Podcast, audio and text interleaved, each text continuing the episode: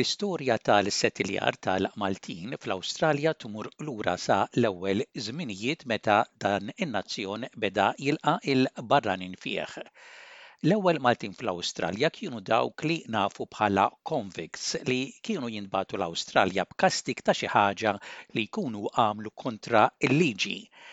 Imbagħad bdew jiġu individwi minn jeddhom li ħafna drabi kienu jkunu baħħara li jinżlu fil-portijiet u jibqgħu l-Awstralja. Illum, Mark Caruana, studjuż u riċerkatur tal-istorja tal-Maltin fl-Awstralja, ikellimna dwar xi individwi li baqgħu magħrufa u dawn iż-żminijiet.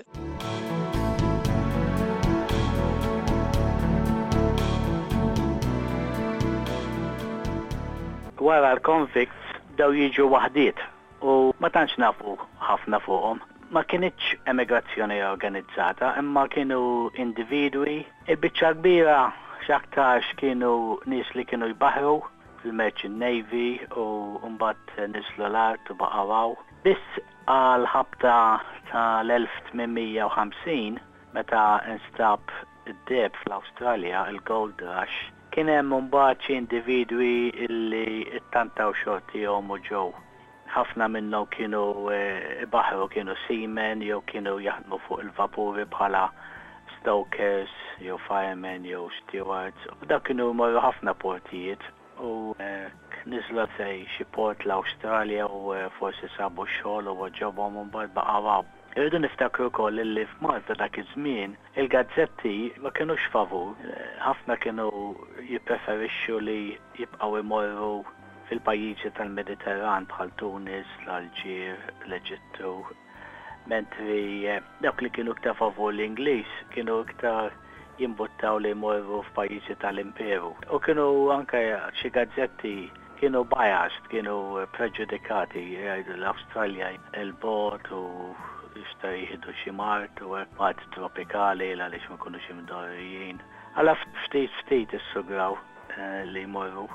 Bħala individwi li ġew minn jeddhom, hemm xi individwi li jbaqgħu magħrufa. Issa bħala individwi, l-ewwel wieħed jew almenu li naħsbu li fuqu Barry York kien għamel riċerka huwa dak Antonio Azzopardi ta' Melbourne.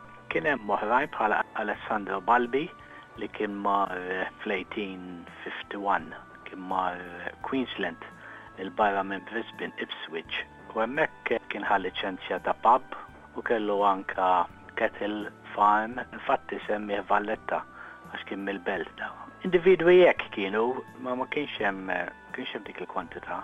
Infatti da Alessandro Balbi kienu kitbulu minn Malta biex jagħti l-opinjoni tiegħu jissuġġerix li emigraw u hu kien favur. Bagħtulu ħafna mistoqsijiet u wiġibhom illi il-ħajja hija ħafna aħjar minn Malta, għall-pagi li jaqalgħu ċe jekk kienu jkunu lesti li jaħdmu, ta parir ukoll li n-nies ta' professjoni, dawk ma jaqbillhomx jemigraw jekk ma jġibux parti ta' flus magħhom, il għaliex l-Awstralja dak iż-żmien l-iktar li riedet kienet nies tar-raba', mastrudaxxi, ħaddieda, b'sefturi jaħdmu ma' xi sinjur, nies li jaħdmu b'idejhom, nies ta' skola kienu se jbatu jekk ma jġibux ħafna flus magħhom biex jissetiljaw.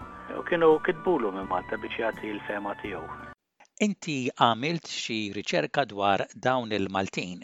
Jien għamilt xi riċerka li hu interessanti llum online ħafna mill-gazzetti fl-Awstralja mill-istati kollha ġew digitized, jiġifieri ħadulhom ir-ritratt paġna paġna, ħarġa ħarġa u jien għamilt ħafna riċerka, jista' jagħmilha kulħadd din jiġifieri, imxejt fuq bażi sempliċi, ttajpjajt kunjomijiet li huma pereżempju Maltin. Infatti, b'kumbinazzjoni, naħseb illi dan aktarx huwa l-ewwel Malti ġo s-South Australia, ċertu Ġużeppi Grima, illi fl-1843, issa qed immorru 'l bogħod aħna, 1843, ukoll kien ħa liċenzja ta' pub.